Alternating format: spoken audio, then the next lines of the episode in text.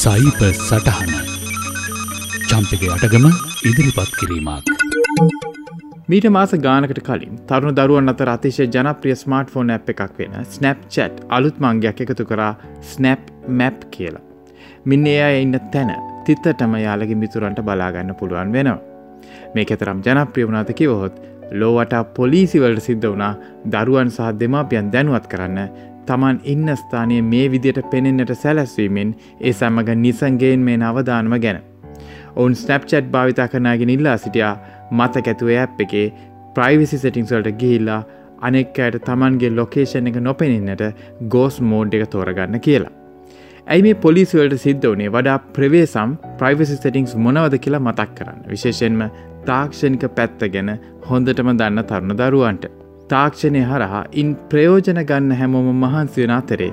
ඒ හරහත් තමන්ගේ සංවේදී තොරතුරු එලියට කාන්දුවීම විශේෂම තමන් නොදන්න ආගත්තුකයන්ට තමන් ගැන කෙතරම් තොරතුරු ලබා දෙනවද ගැන තියෙන්නේ ඉතා අඩු අවධානයක්.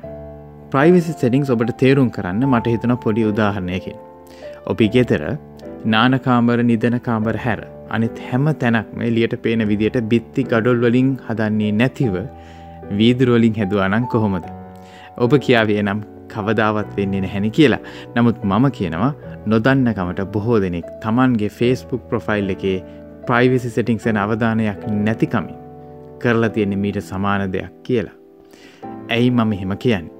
අපි ගෙදර බිත්ති ගඩලෙන් හෝ වෙනත් පාරදෘශ්‍ය නොවන ශක්තිමත්වයකින් හදලා දොර ලොක් කරන්න හේතුවක් ඇතිව.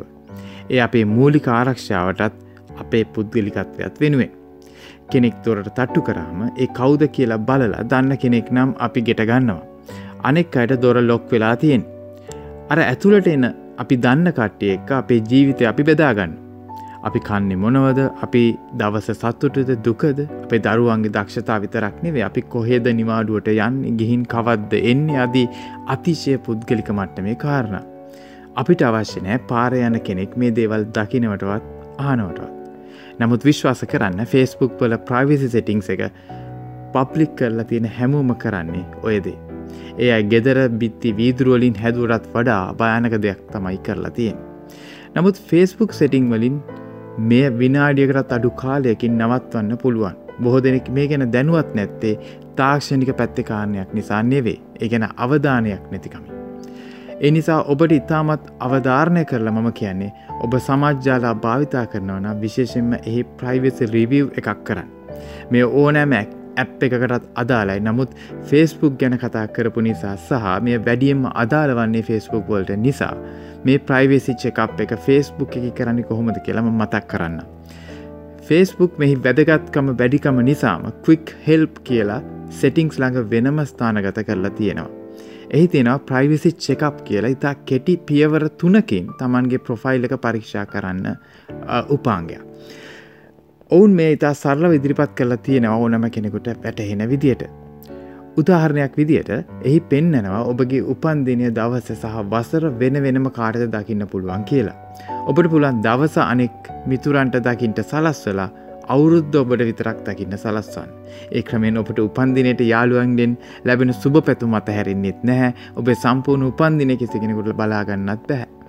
නමුත් කිසිම ලෙසකින් ඒ එකක්වත් පබ්ලික් දකින්න පුළුවන් විදියට නම් තියන්න එපා. අනිකිතා වටනා ටූල් එක තමා ප්‍රයිවසි ෂෝට් කට්ස්.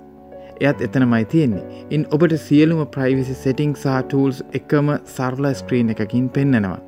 මෙතන ගොඩක් අය නොදන්න ටූලෙක්කුත් තියෙනවා. ඒ තමයි ඔබට පුළුවන් පිටස්තරෙකුට ඔබේ ප්‍රොෆයිල් එක පේන හැටි ඔබටම බලාගන්න. මේ හරියට අපිම ගෙදරින් එලියට බැහැලා අපේ ගේ දිහා බලන වගේ මොනවද පිටින් බලනයට පේන්නේ කියලා.